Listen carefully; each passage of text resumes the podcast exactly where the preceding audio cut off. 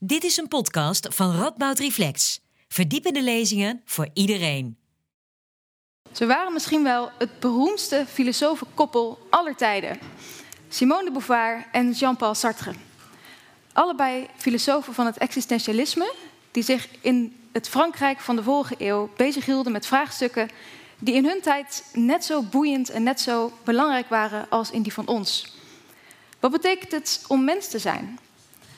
Hoe geven wij zin aan het leven? En hoe verhouden wij ons als mensen tot elkaar? En in dat laatste thema stond er voor zowel Sartre als de Beauvoir één bepaalde verhouding centraal. De meest intieme verhouding die we met een ander kunnen aangaan. De liefdesverhouding. Hartelijk welkom op deze avond van Rap uit Reflect, georganiseerd in het kader van de Maand van de Filosofie rondom het thema intieme vreemden. Um, ik zie dat heel veel van jullie, we hebben echt een volle bak. Veel van jullie zijn naar de Lux gekomen. Hartstikke leuk dat jullie er allemaal zijn. En ook als je thuis meekijkt, fijn dat je er bent. Welkom.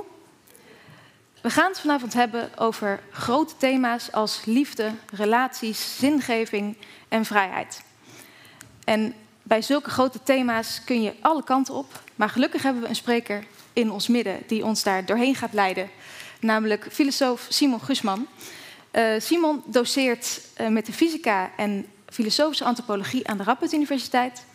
En in zijn eigen onderzoek houdt hij zich bezig met um, de toepassingen van de inzichten uit de existentiële filosofie op maatschappelijke thema's. En er is recent ook een nieuw boek van hem verschenen, getiteld uh, Diep van Buiten. en dat gaat over een thema wat dicht ligt bij waar we het vanavond over hebben, namelijk de mens volgens Sartre. En als u daar nieuwsgierig naar bent, dan is dat boek vanavond boven ook te krijgen. Um, vergeet ik nog iets? Jazeker. Mijn naam is Pam Teunissen. Um, ik ben programmamaker bij Rapport Reflect en ik ben vanavond de gespreksleider. Maar we gaan nu eerst luisteren naar een lezing van Simon Gusman van ongeveer 40 minuten. Uh, na afloop ga ik met hem in gesprek. En tenslotte is er ruimte voor vragen uit de zaal. Dus bewaar ze vooral. Nou, dan uh, denk ik dat ik genoeg heb gepraat en geef ik nu graag het woord aan Simon. Geef me een warm applaus. Dank jullie wel.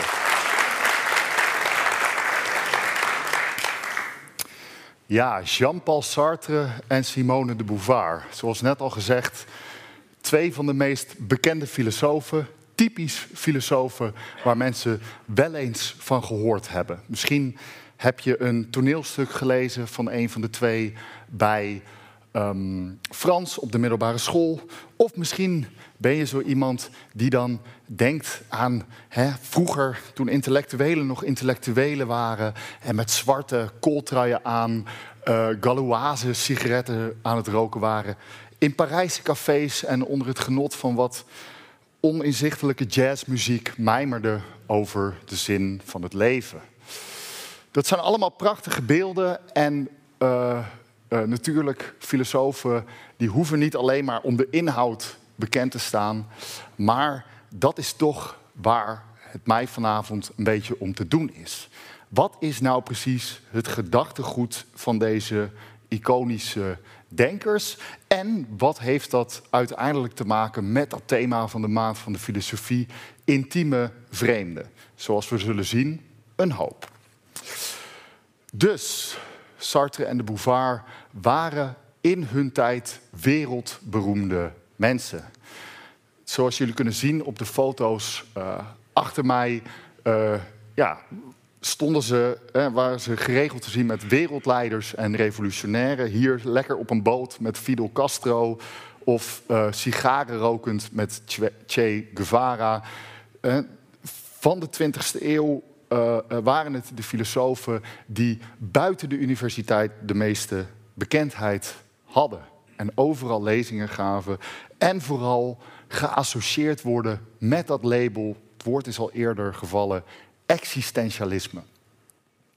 En existentialisme is volgens mij een heel iconische soort denken. Een, op een bepaalde manier een heel unieke soort denken in de filosofiegeschiedenis een manier van denken die tegelijkertijd volgens mij best wel invloedrijk is op de manier hoe wij nu ook over onszelf denken, al zal ik daar ook wat vraagtekens bij zetten.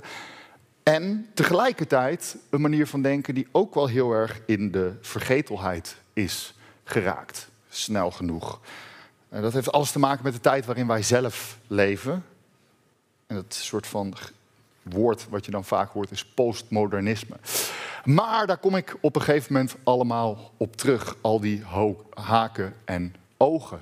Voor nu is het vooral belangrijk om te begrijpen wat is existentialisme? Wat is het gedachtegoed van Jean-Paul Sartre en Simone de Beauvoir?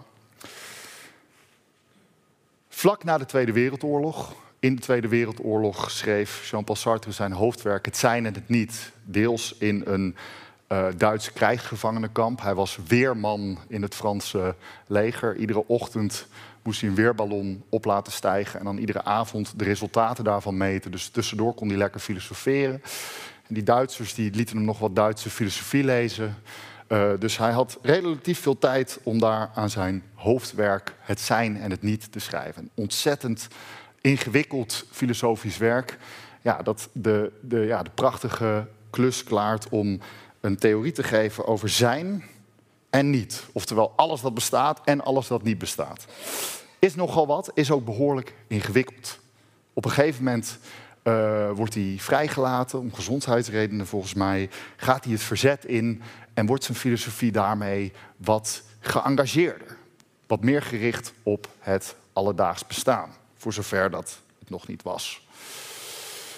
En snel, na de Tweede Wereldoorlog, wordt hij wereldberoemd. En Simone de Beauvoir als zijn hè, partner, zijn levensmetgezel, um, uh, met hem.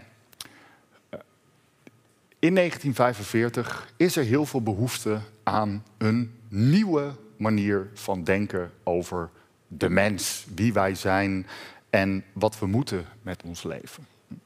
Alle manieren van denken, alle filosofieën die daar, alle levensbeschouwingen die daarvoor bestonden, die hebben allemaal of bijgedragen aan de Tweede Wereldoorlog of konden die niet voorkomen. Dus er was behoefte aan iets nieuws. Een filosofie met de nadruk op de menselijke vrijheid. En vrijheid, ook dat is al even genoemd, is dan ook waar het in het existentialisme vooral om te doen is. En om dat te begrijpen, existentialisme, uh, is het goed om vooral ook te begrijpen waar existentialisme zich tegen afzet. Existentialisme zet zich kortweg af tegen essentialisme. En essentialisme is het idee dat de wereld op een of andere manier zo in elkaar steekt dat alles zich voltrekt volgens een vooropgezet plan. Er is een soort interne logica van de wereld en daardoor heeft alles een functie en is er ook uiteindelijk een antwoord op alle vragen. De belangrijkste vraag is daarbij voor ons de belangrijkste essentie, namelijk de essentie van de mens. Wat betekent het nou precies om mens te zijn? Waartoe zijn wij hier op aarde en wat moeten we hier toch doen met z'n allen? In een essentialistisch wereldbeeld is dit op een of andere manier vastgelegd, deze vraag? Sartre vergelijkt dan ook dat beeld van een mens met een briefopener. Stel je voor, je bent een uh, ambachtspersoon en je wil iets maken om brieven makkelijker te openen. Dan bedenk je eerst van tevoren een bepaald ontwerp in je hoofd van wat zoiets moet doen. Dan weet je precies hoe het in elkaar zit. Nou, het moet een handvat hebben, het moet ongeveer zo scherp zijn. Niet te scherp, want dan sta je in je hand, maar ook niet te bot, dan kom je natuurlijk de brief doorheen. En dan heb je in essentie ontworpen wat het is om een briefopener te zijn. Daarna hoef je het alleen nog maar te maken. Daarna bestaat het echt. Of, om in iets filosofischer taalgebruik te spreken, Daarna heeft het een existentie. Het existeert. in dat geval, dus hè, in het essentialistische plaatje, is het zo dat een essentie er eerst is en dan komt er concrete existentie. Dus dan bestaat iets ook daadwerkelijk. We, kunnen het, we zien dit idee bijvoorbeeld terug in de meeste monotheïstische godsdiensten. God die bedenkt een bepaald idee van de werkelijkheid, een bepaald idee van de mens, een bepaald idee van ieder individu, weet precies hoe het in elkaar zit en daarna schept hij deze dingen. Maar het hoeft niet per se een christelijk of anderszins monotheïstisch wereldbeeld te zijn. Ook een wetenschappelijk wereldbeeld is vaak essentialistisch. Heeft uiteindelijk een bepaald beeld van de menselijke natuur, wat ons voorschrijft wat we uh, moeten doen, wie we nou echt zijn. Hè? In een evolutionair wereldbeeld zie je dat vaak uh, gewoon het idee van ja, waartoe zijn we hier nou echt? Ja, de soort in stand houden, evolutie. Dat is uiteindelijk waar het om te doen is. En wat al deze essentialistische wereldbeelden uh, dus gemeen hebben, is een rigide, vaststaand beeld van hoe de werkelijkheid er achter de schermen uitziet en wat jouw rol als mens, als individu daarin is. Misschien weet jij nog niet wat dat is, maar de manier om erachter te komen wie jij bent, waar je het voor doet, wat de zin van het leven is, etc., is die ontdekken. Je best doen om het plan achter de werkelijkheid en de essenties die daarin zitten te doorgronden. Dat is het essentialisme. Het existentialisme is eigenlijk niks anders dan de omkering van dat idee. Het is het afrekenen met zulke rigide kaders door te stellen, ja, maar wat als het nou andersom is? Wat als al die essenties, al die verklaringen, al die kaders eh, die wij hebben om te zeggen wat de essentie van de mens is, nou pas bestaan doordat er concrete mensen zijn die deze kaders scheppen, die de wereld betekenis geven. Wat als het nou zo is dat, dat je bestaat, dat je in deze wereld bent en op een of andere manier een uh, identiteit moet creëren, moet uitvinden waar je het allemaal voor doet. Dat eerst is en dat we dan pas een beeld krijgen van wie we zijn. Oftewel, het existentialisme is berust op het idee dat existentie voorafgaat aan essentie. Eerst besta je als um, project, maar daar komen we zo nog op terug. En dan bepaal je zelf wie je bent. Niet op de manier van dat je zomaar even uit een lijstje kan kiezen, maar door te handelen in deze wereld, door dingen te doen, geef je het leven zelf betekenis.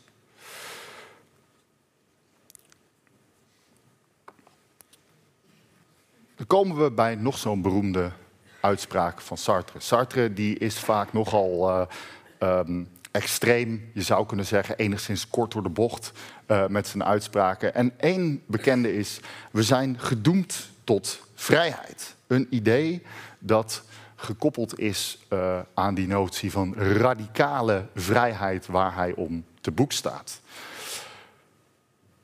Radicale vrijheid wil zoveel zeggen als dat in het existentialisme je vrijheid niet iets is wat je hebt, maar vrijheid is iets dat je bent. Om het anders te zeggen is, uh, je zou het woord vrijheid, daar hebben we toch bepaalde politieke associaties misschien uh, mee, van onderdrukking en dat soort dingen. Dat woord vrijheid zou je kunnen vervangen door onbepaaldheid. De mens is een fundamenteel onbepaald wezen. Die is een soort verhouding tot de dingen om zich heen. En ja, door het leven te leiden uh, wordt hij, uh, bepaalt hij zichzelf en uh, geeft hij het leven betekenis. Maar dat is niet op voorhand gegeven.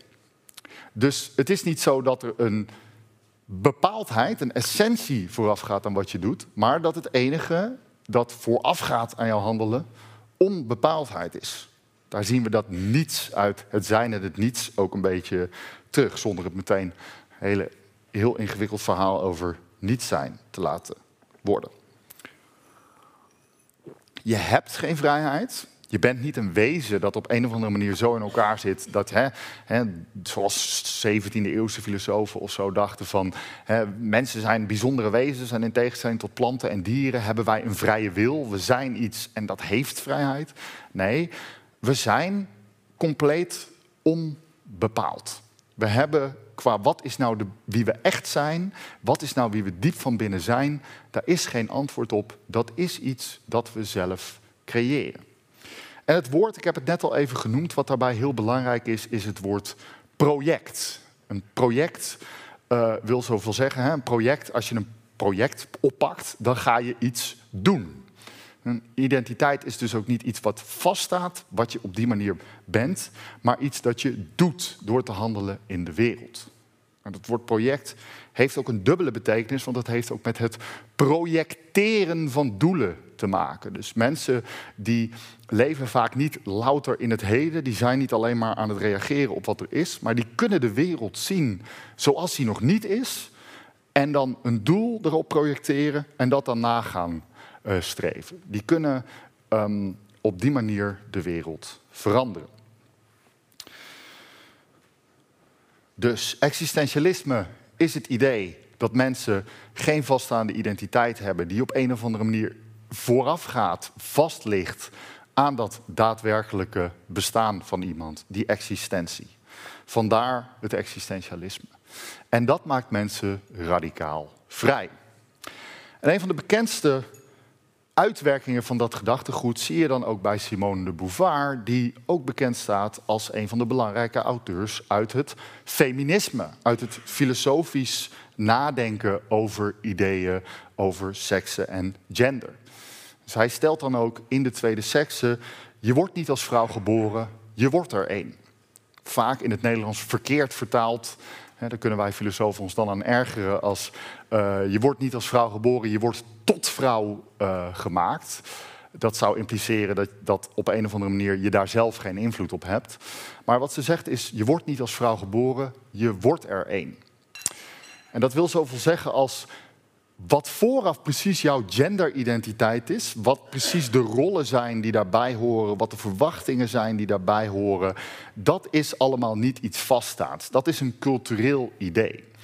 En naarmate je opgroeit in een wereld waar dat soort ideeën heersen en waar vooral anderen die ideeën op jou uitvoeren, is het zo dat je uh, uh, misschien die identiteit gaat, identiteit gaat ontwikkelen. Maar verzet daartegen is altijd mogelijk. Want je bent immers een uh, vrij project. Je valt niet samen met dit soort identiteiten. En dat is dan natuurlijk ook de basis van het afrekenen met ja, in haar ogen, en ik denk zeker in de ogen van de meeste mensen hier, gedateerde ideeën over vrouwen en mannen. Komen we zo nog wel eventjes op terug op dat uh, feminisme en hoe het samenhangt met existentialisme, ook als activistische filosofie. Dus, oké, we zijn dan een uh, vrij project. Uh, dat is allemaal leuk en aardig. En wat daar heel belangrijk bij is, is dat omdat je dus vrijheid bent, is het niet zo dat als je meer te kiezen hebt, dat je ook vrijer bent. Het gaat om fundamentele keuzes, uh, zoals ze genoemd worden. Keuzes die bepalen wat voor soort mens jij bent. Dus als jij in de supermarkt staat en kan kiezen tussen 300 soorten uh, tandpasta, dan ben jij niet vrijer dan iemand die kan kiezen tussen uh, eh, 20 soorten tandpasta. Je bent altijd vrij in de zin van dat jouw onbepaaldheid, jouw projecten, de doelen die jij stelt, de wereld om je heen betekenis geven. Dus jij, voor de een komt het misschien als een belangrijke keuze voor, nou, ik moet wel het merk tandpasta gebruiken dat duurzaam is, of dat ik gezien heb op de reclame, of dat mijn vrienden uh, um, uh, leuk vinden of dat soort dingen. Maar het kan ook zo zijn dat je de keuze maakt, ja, ik ben het soort van persoon dat hier helemaal niet om geeft. De een is net zo vrij als de ander. En omdat existentialisme dus geen vaststaande kaders kent, zullen ze je ook niet vertellen wat je dan moet kiezen. Het enige waar existentialisme zich boos op kunnen maken, zijn mensen die hun eigen vrijheid ontkennen. die doen alsof ze helemaal niet vrij zijn, maar doen alsof ze op een of andere manier wel zo'n vaststaande essentie hebben. En dat is het fenomeen dat ze kwade trouw noemen. Een kwade trouw is iedereen die op een of andere manier zegt: Ja, uh, de reden dat ik dit en dit doe, is omdat ik nou eenmaal zo ben. De reden dat ik um, nou uh, onaardig doe tegen mijn partner, is omdat mijn, ik in mijn jeugd, mijn ouders ook onaardig tegen mij deden. Dan doe je dus alsof jij op dit moment helemaal geen invloed meer hebt op je daden ik doe dit en dit en dit, want het is nou eenmaal zo. Zo behoor je je nou eenmaal te gedragen. Het voorbeeld dat Sartre geeft in het zijn en het niet is van een ober die um, uh, speelt alsof die ober is. Die vervult zijn sociale rol van net iets te beleefd zijn, net iets te gelikt zijn, zo erg dat het een soort parodie wordt. Hij is niks anders meer dan de sociale rol die hij speelt en doet alsof hij daarmee vast ligt. En dat um, is dus volgens existentialisme te verkeerd. Wil jij authentiek leven, dan moet je niet doen alsof je niet vrij bent.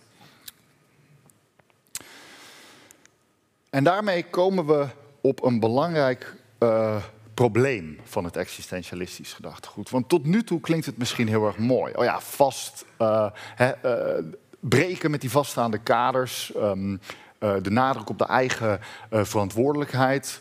Uh, misschien een beetje grote nadruk op menselijke vrijheid. Van worden we niet veel meer beïnvloed door de wereld door ons heen. Maar in ieder geval het idee van, van nou ja, binnen al die beïnvloeding heb ik altijd nog wel iets te kiezen. Maar het grote probleem van het existentialisme is vooral dat het je helemaal geen kaders kan bieden over wat je dan wel zou moeten doen. Het kan je niet zeggen van, oh, is het dan beter om Um, het voorbeeld dat Sartre geeft is iemand die in de oorlog moet kiezen om ofwel in het verzet te gaan, ofwel uh, zijn zieke moeder te verzorgen. En dan, ja, dan zijn er natuurlijk heel veel essentialistische manieren van ethiek bedrijven, van, van filosofie over wat dan het goede is om te doen. En uh, ja, dan kan er eens zeggen, nou, hè, familie is toch belangrijker dan uh, vreemden die je niet kent. Of nee, maar de oorlog gaat zoveel mensen aan en dat niet alleen je moeder. Maar existentialisme kan dat niet doen. Existentialisme heeft een probleem als het gaat om andere mensen.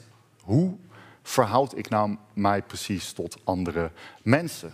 Als er inderdaad nadruk is op individuele vrijheid en ons individuele project van onszelf vormgeven, uh, wat voor redenen heb ik dan nog om andere mensen niet uh, in, uh, ja, in elkaar te slaan, van hun geld te beroven of wat je allemaal nog meer kan verzinnen? En daarmee komen we op nog een beroemde uitspraak van Jean-Paul Sartre terecht, namelijk de hel, dat zijn de anderen. Strikt genomen een personage uit een toneelstuk van hem uh, dat dat zegt. En dat eigenlijk het idee uh, uh, vertolkt wat laat zien hoe moeilijk het is om een existentialistische ethiek te creëren. Als iedereen een vrij project is en iedereen uh, de wereld kan vormgeven uh, uh, in het licht van de doelen die hij zelf stelt, dan kunnen dingen ons zijn vrijheid niet begrenzen. Ja, dingen kunnen onze vrijheid wel begrenzen in de zin van ik kan niet in één keer kiezen om te kunnen vliegen of te kunnen toveren of met dieren te praten of weet ik veel wat. Maar, zegt Sartre, als ik een, bijvoorbeeld uh, wil berg beklimmen en ik kom een steen tegen waar ik niet overheen kan klimmen, dan, ja, dan belemmert hij mijn vrijheid, maar dan is het nog steeds zo dat hij alleen maar die betekenis heeft van het is iets dat mij belemmert, omdat hij in eerste instantie verschijnt in het licht van het doel dat ik gesteld heb. Het is omdat ik er ben als vrij wezen dat een doel stelt van ik wil hier overheen klimmen, dat vervolgens ervoor zorgt dat dat ding die betekenis kan hebben.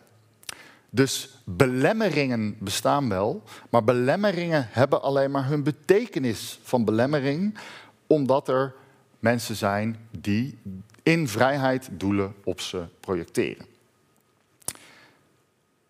Maar nou komt het grote punt. We zijn niet alleen op de wereld. We zijn met z'n allen op de wereld en we zijn dus met z'n allen allerlei doelen aan het uh, projecteren. En in die wereld van mij verschijnen andere mensen ook nou ja, als dingen in mijn project, zeg maar. Ik heb nou misschien het project me gesteld om hier iets aan jullie te vertellen. Ja, dan zijn jullie daar. Als jullie verveeld zitten te kijken, dan is dat misschien ook een uh, belemmering voor mij. Maar op hetzelfde punt hebben jullie allemaal een project. En heeft alles om je heen weer betekenis in het licht van de doelen die jullie gesteld hebben. En het kan volgens Sartre wel tijdelijk zo zijn dat onze doelen eventjes overeenkomen. Maar op een soort fundamenteel vlak is het toch altijd zo dat als je allemaal mensen bij elkaar zet, dat het altijd zo is dat uh, er mensen zijn die tegengewerkt worden. En mensen zijn wiens doelen niet behaald kunnen worden.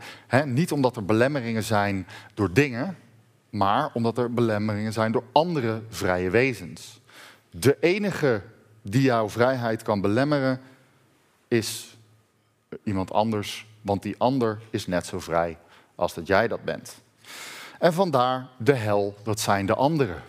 Het enige wat ervoor nodig is om jouw leven te verzieken, ervoor zorgen dat je al jouw persoonlijke doelen niet tot uiting komen, is iemand anders die andere doelen voor ogen heeft.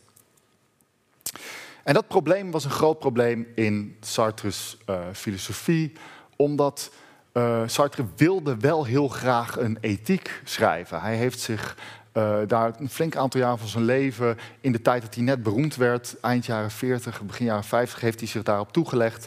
Maar hij kwam er gewoon niet uit. Want ja, dus je, je hebt al een filosofie waarin je eigenlijk zegt, ja, vaststaande kaders zijn niet goed. Dus dan, ja, dan zeg je eigenlijk zelf al, ja, ik ben een filosoof die zegt dat je niet naar filosofen moet luisteren. Dat is al moeilijk. Ja, en dan komt hij ook nog eens met een soort situatie van tussen mensen die altijd in een, uh, uh, uh, op gespannen voet met elkaar leven.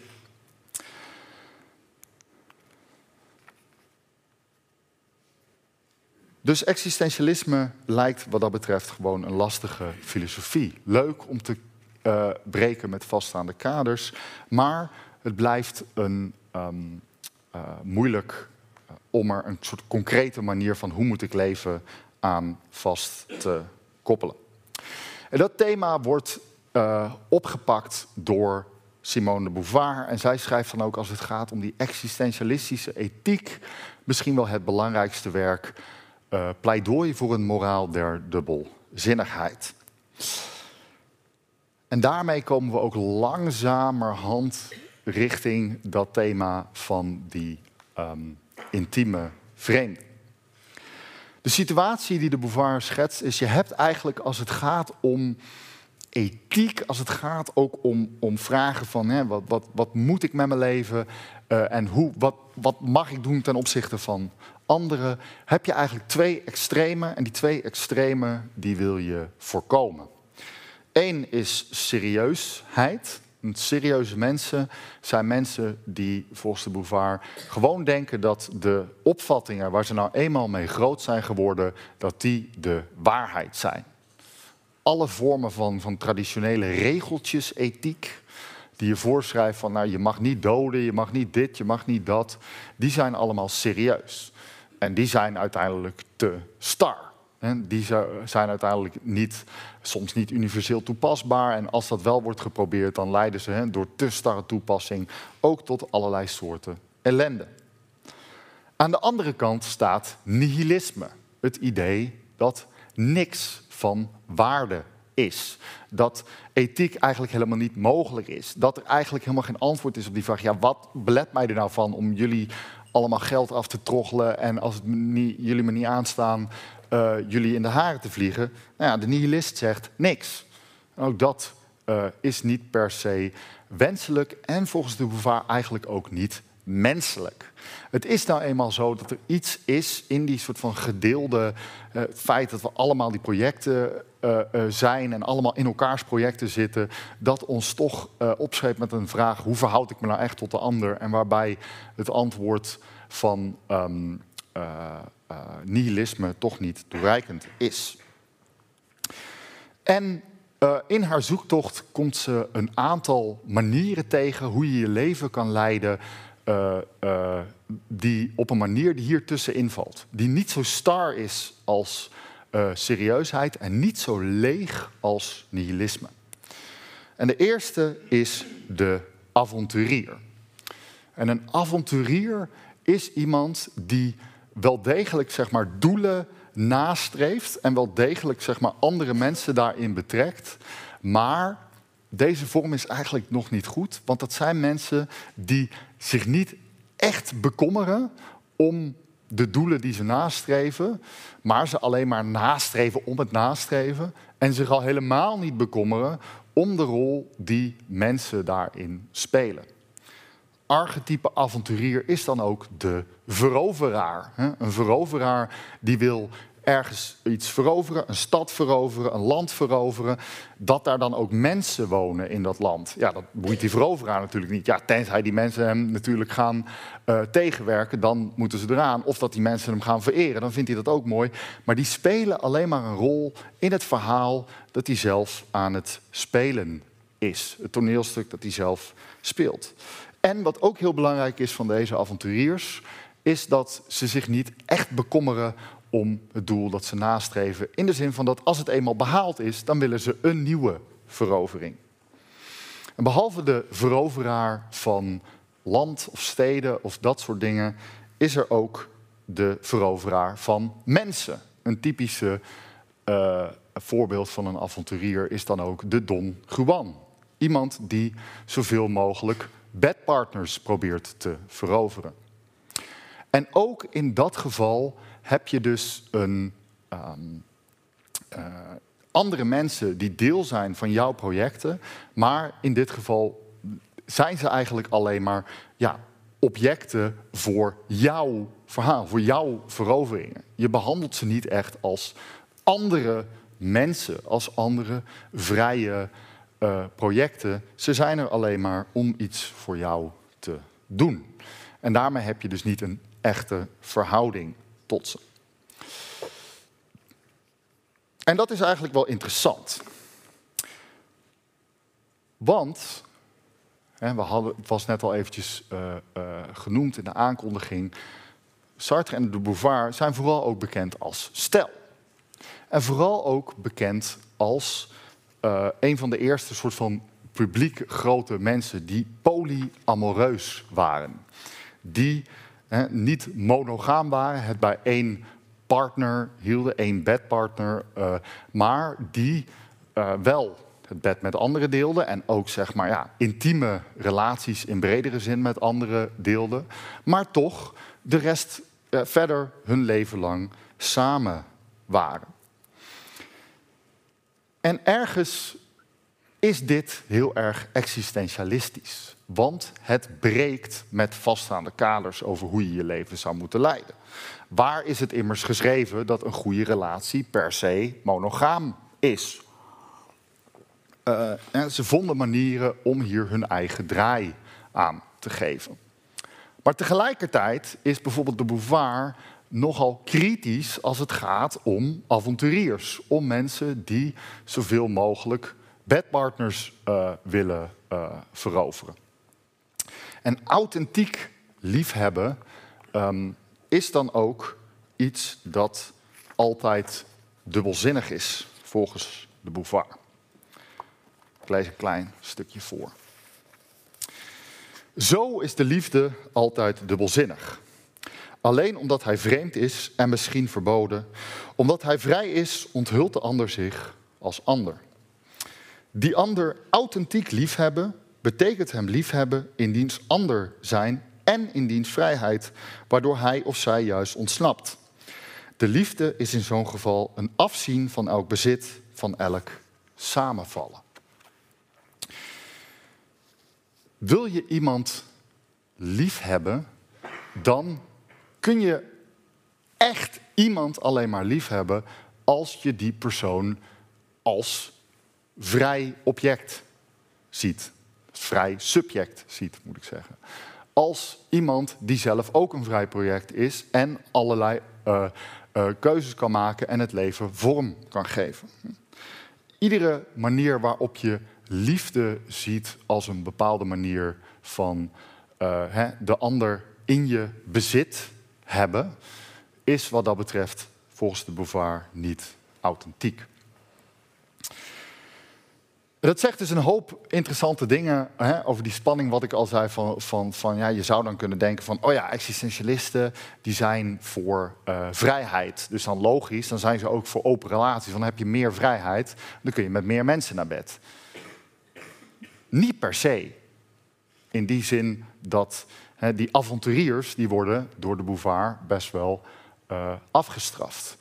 En ook het idee, zoals ik al eerder zei, dat je meer kan kiezen, maakt je niet per se meer vrijer. Je bent vrijer als je meerdere fundamentele keuzes kan maken. Ben ik het soort van persoon dat een monogame relatie wil, of ben ik dat niet? En de Bouvard zegt dan ook dat echte ethiek wil het niet serieus worden, alleen maar uh, kan op een case-by-case basis. Dat je gewoon in ieder individueel geval moet kijken, wat is in deze situatie het juiste om te doen.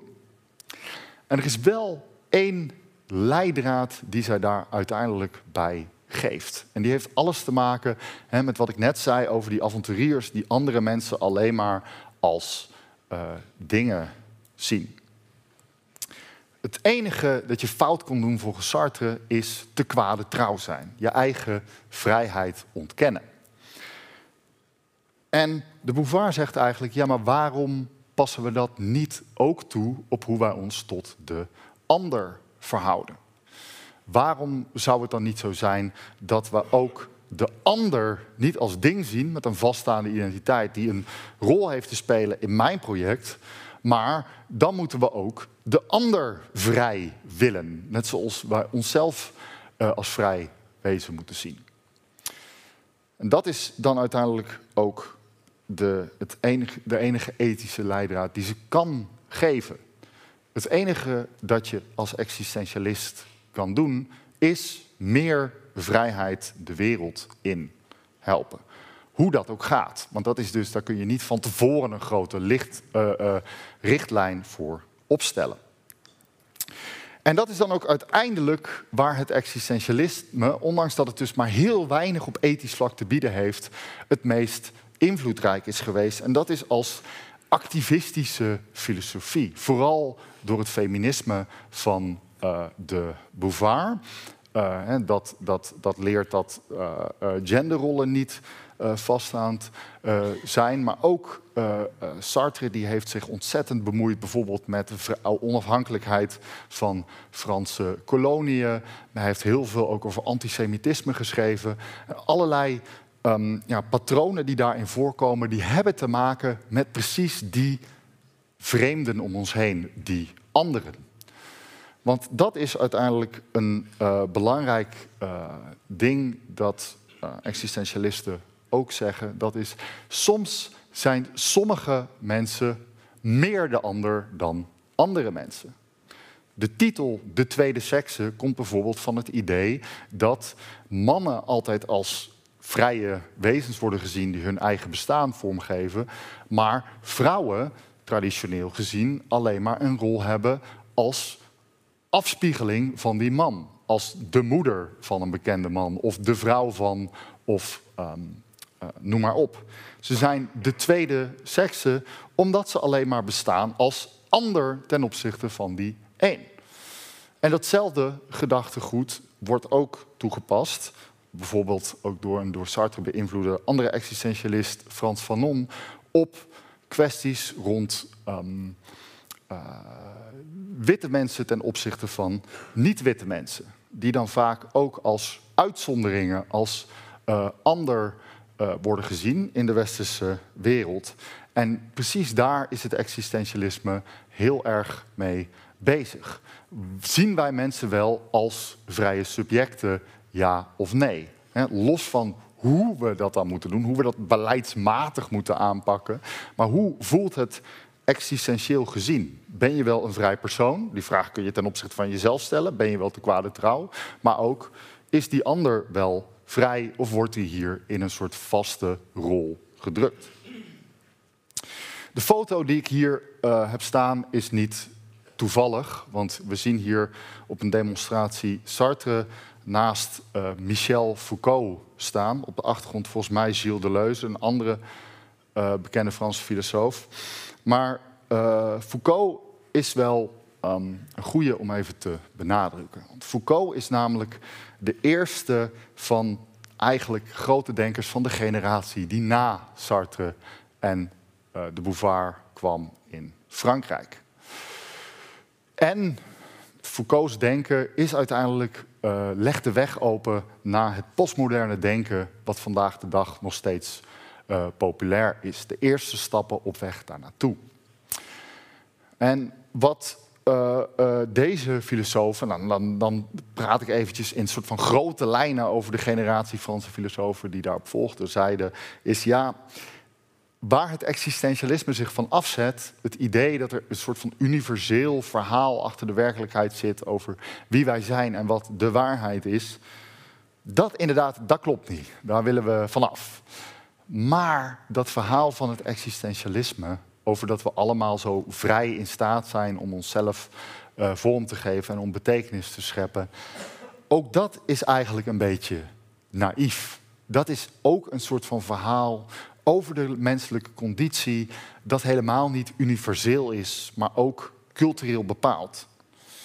En in uiteindelijk het, het postmoderne denken dat in de decennia daarna gang krijgt, wordt niet alleen het idee van die universele waarheid op de schop gedaan, maar ook het idee van de uh, mens als soort van hè, die zich daartoe moet verhouden. Al die opvattingen die jij hebt over uh, um, dat je zelf de zin van het leven kan scheppen, ook dat zijn maar producten van de taal, de woorden die je hebt, de machtsstructuren waarin jij groot wordt gebracht, de cultuur, et cetera.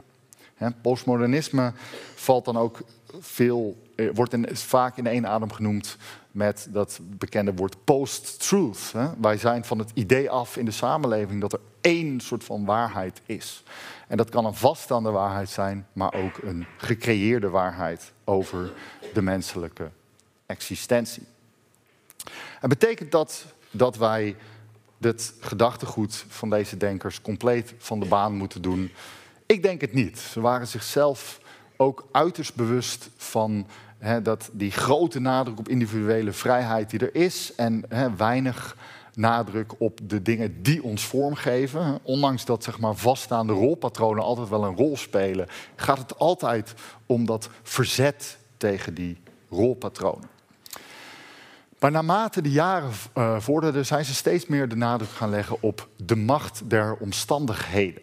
Steeds meer de nadruk gaan leggen over uh, dat, ja, oké, we zijn misschien, we hebben geen vaststaande betekenis en we moeten dat misschien zelf vormgeven, maar we doen dat altijd met de middelen die ons eigen tijdperk ons aanreikt.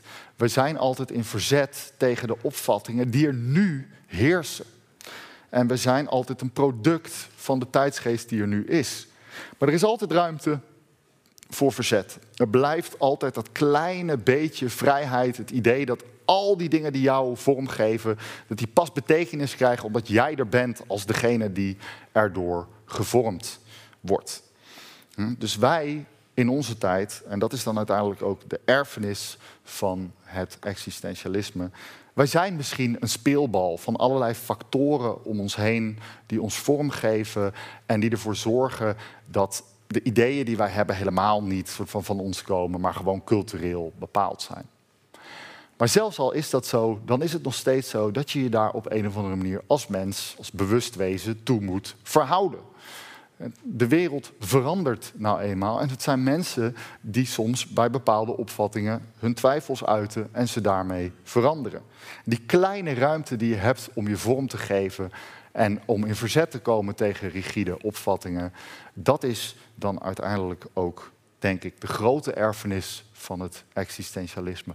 Ondanks de naïviteit, ondanks de sumiere ethiek die eruit uh, voortkomt, blijft het zo dat ja, we toch uiteindelijk mensen zijn die op een of andere manier iets moeten met vragen over wie ben ik en waar ga ik naartoe.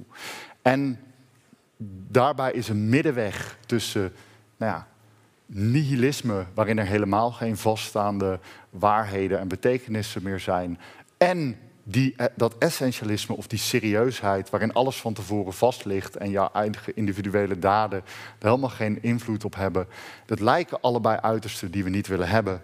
En existentialisme vormt in die zin ook, behalve dat het een tussenstap was in de geschiedenis, ook een mooie tussenvorm tussen deze twee extremen. Dus de erfenis van het existentialisme, ondanks de macht van omstandigheden, kun je altijd met dat beetje vrijheid dat je hebt als mens die uh, bewust wezen, die de betekenis geeft aan al die dingen, kun je altijd je een beetje verzetten en een beetje invloed hebben op wie je zelf bent. Daar wil ik het graag bij laten.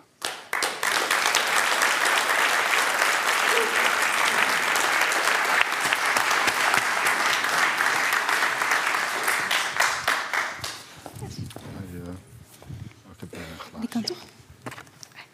Wat? Oh ja, nee, ik moet daar. Zo. Dankjewel Simon voor je mooie lezing. Ik heb een heleboel aanknopingspunten gehoord uh, om een gesprek over te starten. Maar laat ik beginnen bij die liefdesrelatie waar je het over had. Um, op een gegeven moment uh, had je het over dat de Beauvoir... Um, of, ja, dat het existentialisme, dat het eigenlijk een heel logische um, gevolg daarvan is... dat je de ander ook in de relatie als een vrij wezen uh, beschouwt. En als een, een wezen dat niet vaststaat. en ik vroeg me af of dat ook geldt voor minder intieme relaties dan een liefdesrelatie. Maar gelden daar dezelfde regels voor? Um, ja, dus wat het eigenlijk is, is zeg maar die, die, die liefdesrelatie die legt een bepaald punt uh, bloot van, van hey, uh, ik ben heel erg verliefd op iemand, ik wil eigenlijk iemand heel graag hebben in mijn bezit hebben, maar juist dan doe ik geen recht aan die ander. En het laat, zeg maar, het, openbaart in die zin het ethische principe waar het dan uiteindelijk om te doen is. Van hey, dat kwade trouw, doen alsof mensen uh, uh, vastliggen, dat geldt ook over die ander. Dus ja, het laat het ethische principe zien. Betekent dat in praktische zin dat die relaties hetzelfde zijn? Ja, eigenlijk niet. Want de meeste mensen, daar heb ik nou eenmaal niet direct zoveel uh, mee te doen. Die, daar hoef ik me niet direct met hem, met de projecten die ik mijzelf stel, toe uh, verhouden. Ja. Maar dan nog laat het dat, soort, dat ethische principe, ik moet ook de vrijheid van de ander willen zien. Ja, en, en stel je voor, um, ik heb een gesprek met een, uh, met een ober. Laten we hetzelfde voorbeeld pakken als, als Sartre. Um, dan, dan weet ik op dat moment niet zoveel van, van die andere persoon. Ik bedoel, ik, ik weet eigenlijk alleen maar dat hij de ober is. Ja. En is het dan op dat moment mogelijk om een, een, verhouding met die ander aan te gaan, waarin ik die ander niet reduceer tot die ober? Want dat is alles wat ik, wat ik van die persoon weet. Nou ja, het, het grappige is dus dat dat hele voorbeeld van die ober, um, als je kijkt naar hoe Sartre dat beschrijft, is het eigenlijk helemaal geen voorbeeld van hoe het is om een ober te zijn die, die uh, iets te enthousiast zijn werk doet. Maar het is eigenlijk een voorbeeld van hoe het is om te kijken naar iemand die um, een rol speelt. En het idee is dan dat je um, ziet dat mensen dat onoprecht doen. Dus dat je ziet, mensen zijn maar een spelletje aan het spelen, mensen zijn niet echt mensen. En waar dat dan in zit, ja, dat zegt hij verder niet, maar dat kun je denk ik zelf wel invullen. Van, van echte mensen zijn, zijn, zijn nooit altijd compleet uh, in hun uh, rol. Dan zie je dat ze aan het um, uh, acteren zijn.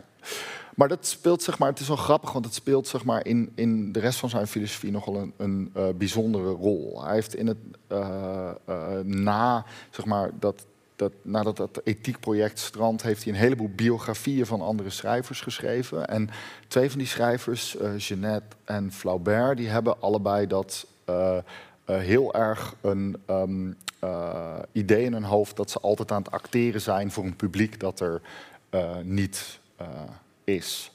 Um, dus het idee van, van, van je bent altijd wel een soort toneelstuk voor de ander aan het spelen in, tot op zekere hoogte.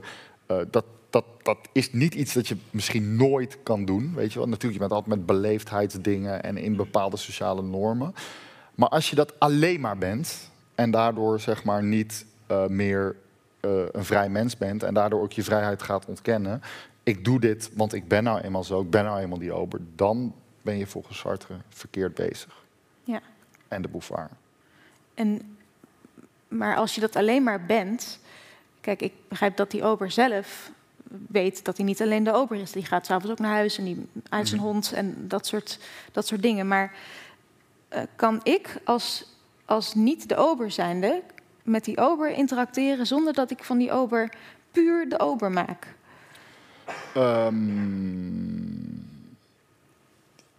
ja, blijkbaar wel. In de zin van dat je niet zeg maar want dan ben je zeg maar die avonturier die gewoon een land binnenwalst en die mensen alleen maar ziet als een potentiële onderdanen. Dat is natuurlijk een beetje extreem, maar het, het, zeg maar, het is wel denk ik een soort, bijna een soort beroep op die mensen die je voor je hebt zijn ook echt mensen en zijn niet alleen maar hun rol.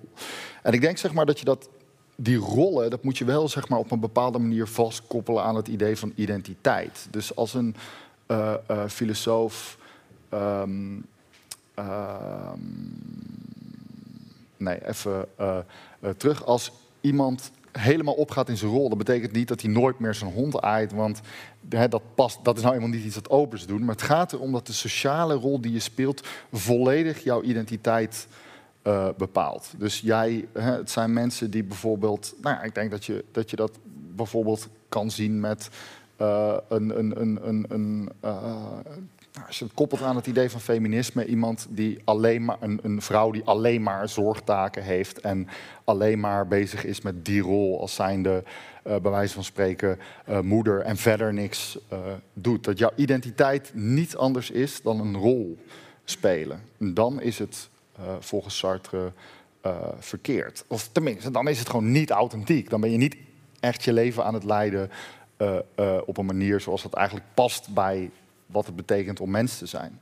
Ja, en, en hoe zit dat dan met, met, uh, met groepsrelaties? Dus bijvoorbeeld uh, als je onderdeel bent van een team of, of zelfs van iets groters als een, uh, um, als een, een, een stad, um, dan, dan moet je toch op een bepaalde manier met z'n allen ja, consensus bereiken over hoe je met elkaar omgaat.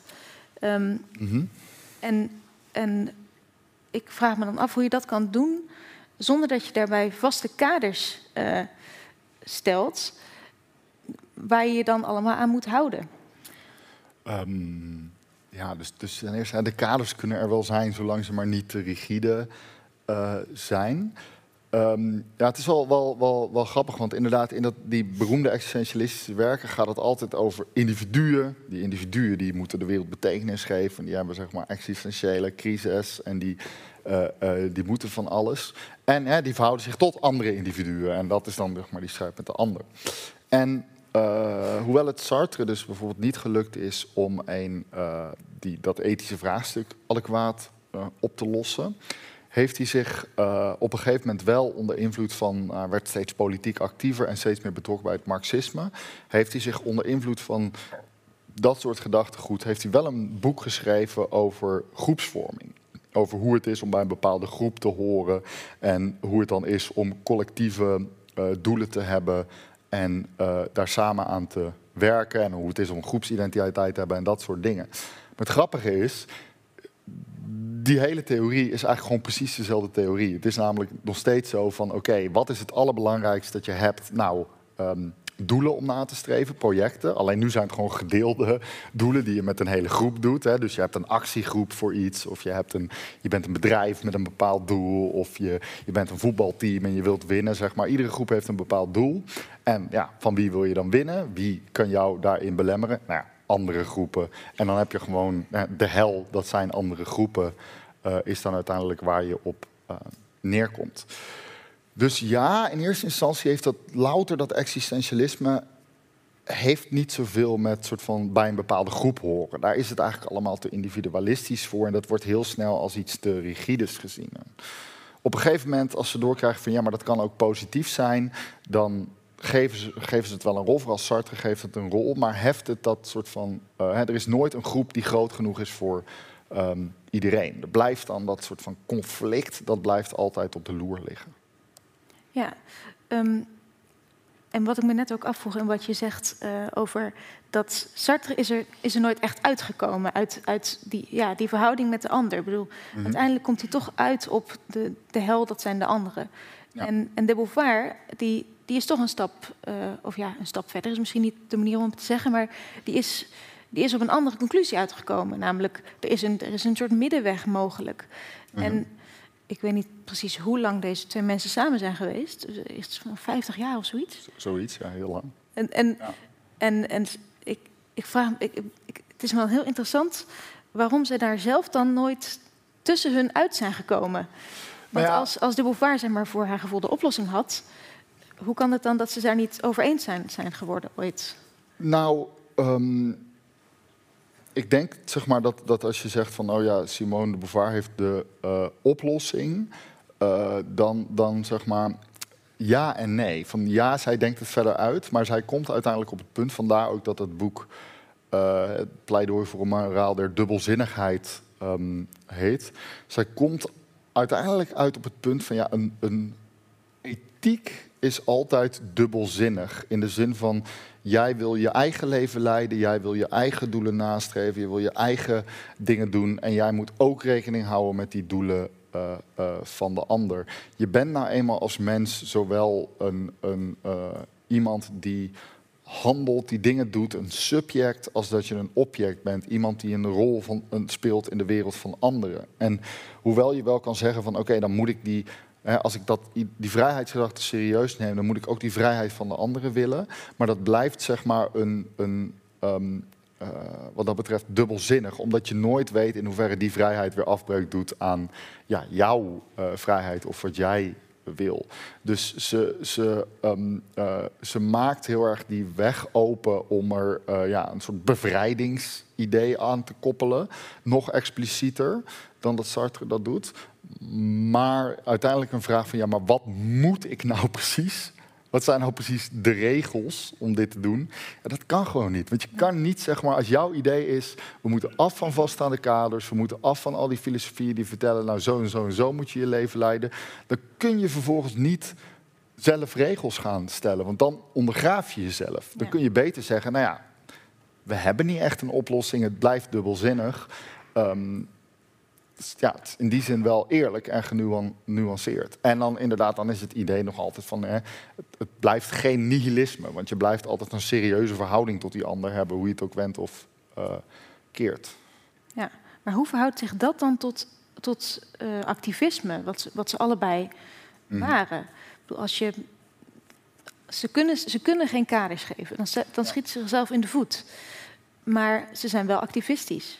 Nou ja, het idee is dat alle negatieve dingen in de wereld uiteindelijk te maken hebben met serieuze essentialistische opvattingen. Dus door het bestrijden van vaststaande kaders, zonder dat je misschien per se een heel erg verhaal daartegen zet. Want als je daar een verhaal tegen zet, dan heb je weer je eigen vaststaande kader. Maar gewoon het idee dat iedere opvatting van de mensen moeten dit en dit en dit zijn leidt uiteindelijk tot een vorm van onderdrukking. Of dat nou uh, een, een, letterlijke onderdrukking is, hè, van we hebben een samenleving waarin iedereen een vaststaande rol heeft, zeg maar totalitair, of meer een soort van uh, we, we, we, leven in een wereld met zulke halstarrige opvattingen dat we gewoon niet op een leuke manier, op een goede manier ons leven kunnen leiden. Wat dat betreft kun je diezelfde ideeën op onze ideeën over prestatiedruk of zo toepassen. Van dat zijn ook gewoon ideeën waarvan wij, je moet zo productief mogelijk zijn. Of je moet van allerlei dingen bereiken, die wat dat betreft ook onder die mantel van serieusheid vallen.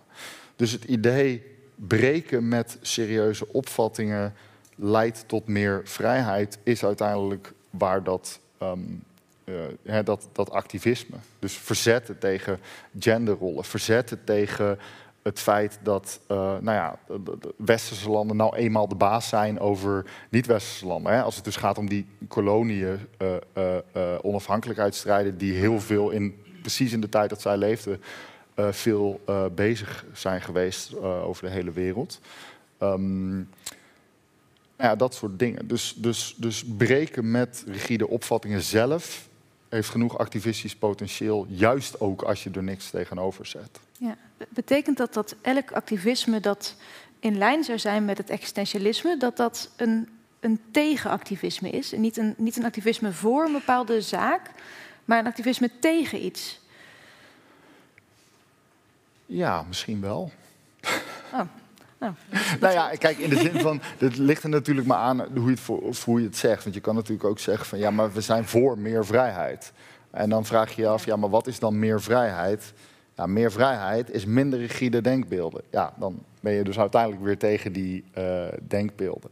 Ja. Dus het zeg maar meer soort van scheppingsruimte voor mensen om hun eigen identiteit vorm te geven, is uiteindelijk een, een uh, uh, waar het om te doen is. En ja, is dat negatief? Ja, dat, in de zin van dat dat verzet tegen serieuze opvattingen is, tegen rigide opvattingen is, is het negatief. Maar het is uiteindelijk wel ook positief.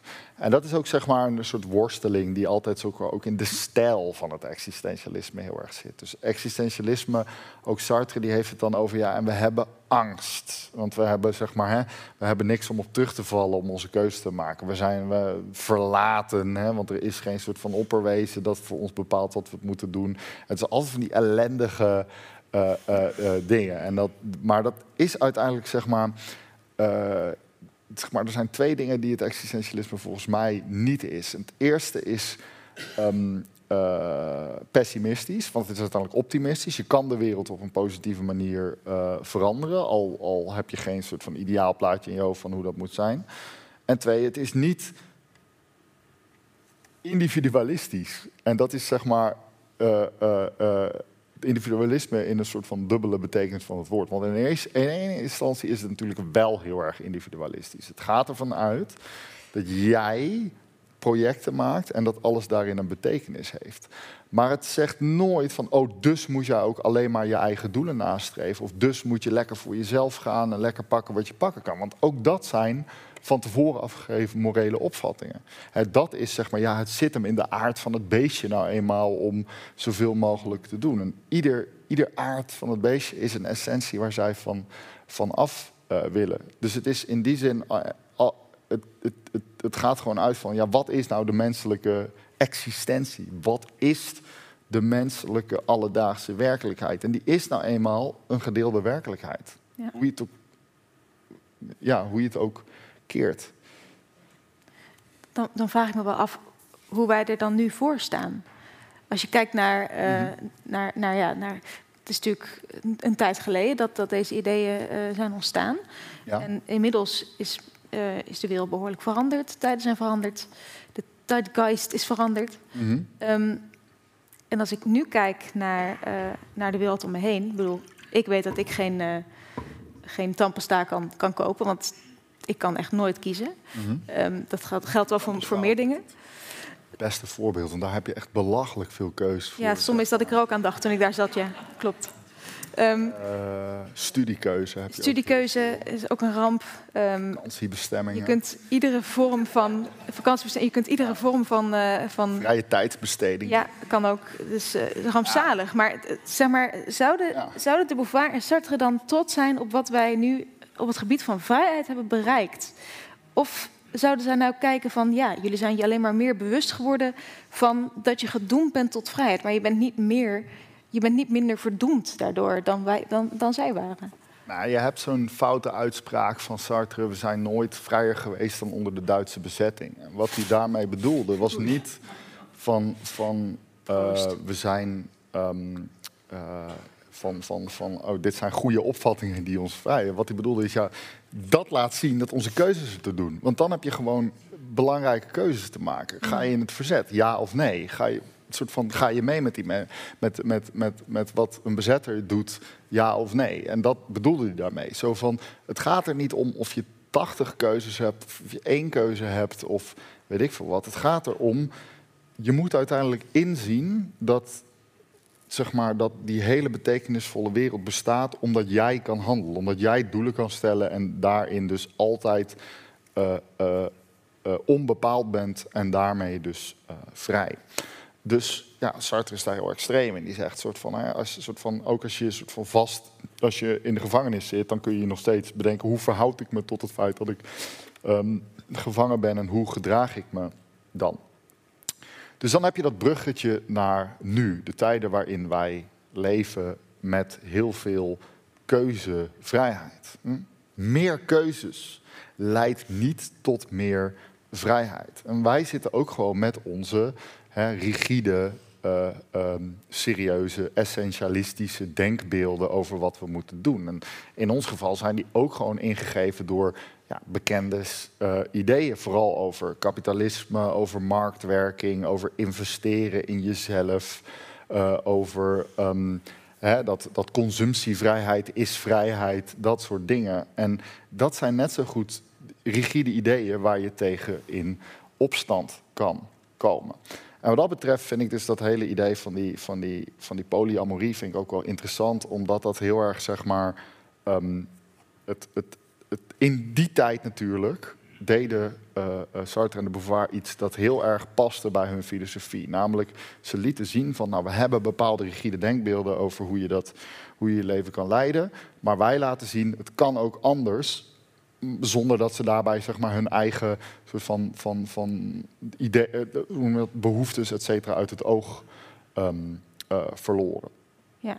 Dus dan, maar je kan natuurlijk nooit zeggen, want dat is precies het idee van ze geven regeltjes, oh, dus ze zijn voor uh, open relaties. Want wij leven nu in een andere tijd, met andere ideeën, waarin misschien hè, die zucht naar avontuur uh, uh, hoger in het vaandel staat. Hè, waar ook soort van bedrijven zijn die, die met allerlei soort van second love reclames in de bushokjes en zo er ook nog een, nog een centje aan, je, aan, jou, aan jouw open huwelijk proberen te verdienen. En dan kun je weer zeggen van ja, kom je dan niet ju juist daar tegen in verzet door, door, door daar niet in mee te gaan, door wel een, een traditioneel huwelijk te nemen. Het punt is, wat belangrijk is, is zien dat al die opvattingen, of ze nou linksom of rechtsom gaan, niet in essentie zijn wat goed voor jou is. Dat dat gewoon per individu en wat jij wil verschilt. En, dat is dan uiteindelijk die koppeling naar de ander weer, dat jij de ander zijn uh, vrijheid uh, gunt. Maar dat is, moet dan natuurlijk wel, zeg maar, oprechte vrijheid ja. zijn. Dus als iemand alleen maar een avonturier is, dan is dat ook niet oprecht. En dan mag je dan best wel wat van zeggen volgens de, de Bouvard. Dus zij geeft volgens mij ook het voorbeeld van verslaving. Dus als iemand om jou heen verslaafd is en die, die lijkt te willen in vrijheid te kiezen om, om, om nou ja, weer drugs te nemen of uh, uh, noem maar op, dan kun jij best wel zeg maar bijvoorbeeld bedenken van ja, maar eigenlijk uh, ik ken die persoon een beetje, die heeft andere projecten en in dit specifieke geval mag ik best die persoon die drugs nu even die vrijheid ontzeggen om meer vrijheid op de lange termijn op te leveren. Maar dat soort rekensommen die kun je alleen maar per geval maken. Die zijn menselijk. Daar moet je elkaar voor kunnen inschatten, in de ogen kunnen kijken, bij wijze van spreken. Ja, ja maar als, als je even weer teruggaat naar die, naar die polyamoreuze relatie die zij hadden. Um, ik, toen je daar het net over had, toen, toen zat ik te denken van... Oké, okay, je gunt die ander dus zijn of haar vrijheid... en je ziet die ander als een vrij, als een vrij project. Um, maar tegelijkertijd is er dan niet ook een soort spanning, juist met waar het existentialisme ook over gaat, en dat is het maken van keuzes. En je eigen essentie maken door het maken van keuzes. Ja. En als je een polyamoreuze relatie hebt, loop je dan daar juist ook niet van weg? Want je maakt geen keuze. Je zegt, goh, um, je, je, zegt niet van ik ga met deze persoon mijn leven leiden, maar je zegt ik hou het wat opener. Maar dat, is dus, dat zijn dezelfde soort keuzes. Ben ik het persoon dat maar wil toeleggen op één uh, uh, persoon? Of ben ik het soort van persoon dat er graag meerdere relaties op nahoudt? Je kan niet zeggen, net, net zoals dat voorbeeld wat ik gaf over... moet ik in het verzet of moet ik voor mijn zieke moeder uh, zorgen. Je kan alleen maar de vraag stellen van wat is het soort project uh, dat ik aan wil gaan? Hoe wil ik mijn identiteit vormgeven? En kan ik de anderen die ik daarbij tegenkom ook hun projecten gunnen? En match dat dan? Dat kun je uiteindelijk doen. Maar dat weglopen is zeker wel een groot ding. Kijk, de, doordat wij zo verantwoordelijk zijn voor onze eigen keuzes, is commitment, engagement ook heel belangrijk voor deze denkers. Dus het idee van dat um, doordat al je, je, handelen wordt allemaal heel betekenisvol. Want overal, zeg maar, alles weerspiegelt uiteindelijk jouw zingevingskwesties en de, de, de betekenis die jij aan de wereld hebt gegeven. Vinden zij juist dat, dat het belangrijk is om je ook met de wereld te bemoeien en je niet um, terug te trekken of te doen alsof je er geen invloed op hebt. Dan ben je ook de kwade trouw. Dus dat is zeg maar commitment, ook je committeren aan bijvoorbeeld politieke zaken en zo, is iets dat zij eigenlijk alleen maar voor uh, uh, staan. Dus zeg maar vrijblijvendheid, niet willen kiezen, is niet per se uh, goed. Maar dat betekent wederom niet dat je daar een soort ethisch ding. Ja, dat is weer. In, er zullen gevallen zijn waarin dat het gebrek aan commitment het ding is. Er zijn, ja, er zijn allerlei soorten gevallen. En als je dat begrijpt, dat breken met die starre uh, plaatjes uh, over hoe je je leven moet leiden. Of dat nou zeg maar in de jaren 40 was, toen je eigenlijk alleen het traditionele huwelijk had en je daar tegen kon zetten. Of nu, nu je zeg maar 3000 dating apps hebt waar je ook nog eens uit kan kiezen. en je daartoe moet verhouden. Zolang je maar realiseert dat er niet zeg maar, buiten jou om een soort vaststaand idee ergens in de hemel geschreven is over dit is de perfecte relatie. Dat doe je zelf. Hebben wij dan nu meer behoefte aan uh, juist het wel vinden van vaste kaders dan in de tijd van, uh, van de Beauvoir en Sartre? Uh, ja, dat denk ik wel. Dus zeg maar waar zij zeggen, als je die twee extremen hebt van um, serieusheid en nihilisme die de Beauvoir onderscheidt, dan, dan, dan denk ik dat zij vooral aan het ageren waren tegen serieusheid ook wel tegen nihilisme in de zin van, van, van uh, uiteindelijk helemaal geen um, respect meer hebben voor het leven van anderen, zoals je dat dan in, in totalitaire ideologieën zit. Maar bij ons is dat nihilisme volgens mij subtieler en zit dat veel meer in. Hè, dat woord, je hoort het wel vaker, zingevingscrisis, postmoderne zingevingscrisis. Er wordt wel eens genoemd als het dan gaat over coronarellen bijvoorbeeld vorig jaar. Dan is het van ja, Mensen zijn boos over die, die uh, uh, corona. Uh, maatregelen, maar er wordt dan ook wel genoemd, ja, maar waarom worden ze zo boos? Komt er zoveel agressie buiten? Ja, dat heeft met een bepaalde uitzichtloosheid te maken. En die uitzichtloosheid is economisch. Hè, mensen hebben nou eenmaal een soort van gaan er ten opzichte van hun ouders vaak niet op vooruit. Die, zijn, die kunnen met van alles te maken hebben. Zeg maar, klimaatverandering, wat, wat er allemaal aan zit te komen. Allerlei soort van, uh, uh, wat dat betreft, uh, wereldlijke zaken. Maar die zijn ook...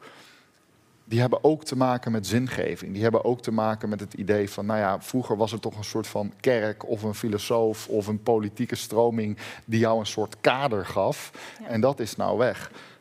En het soort van en dat is dan wederom waar het existentialisme biedt geen antwoorden, maar biedt wel een manier om ermee dan mee om te gaan. Althans, dat pretenderen ze te doen. Dus ja, maar er is wel iets in de menselijke conditie wat je leert van hè, door zo over jezelf te denken in termen van, van ik ben een project, om te dealen met die uitzichtloosheid en het uiteindelijk ook te accepteren dat er geen antwoorden uh, zijn.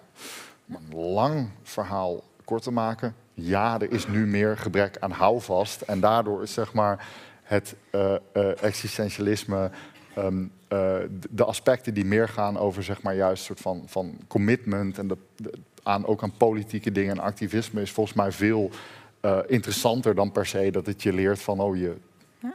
je hoeft niet per se te trouwen van de kerk, zeg maar.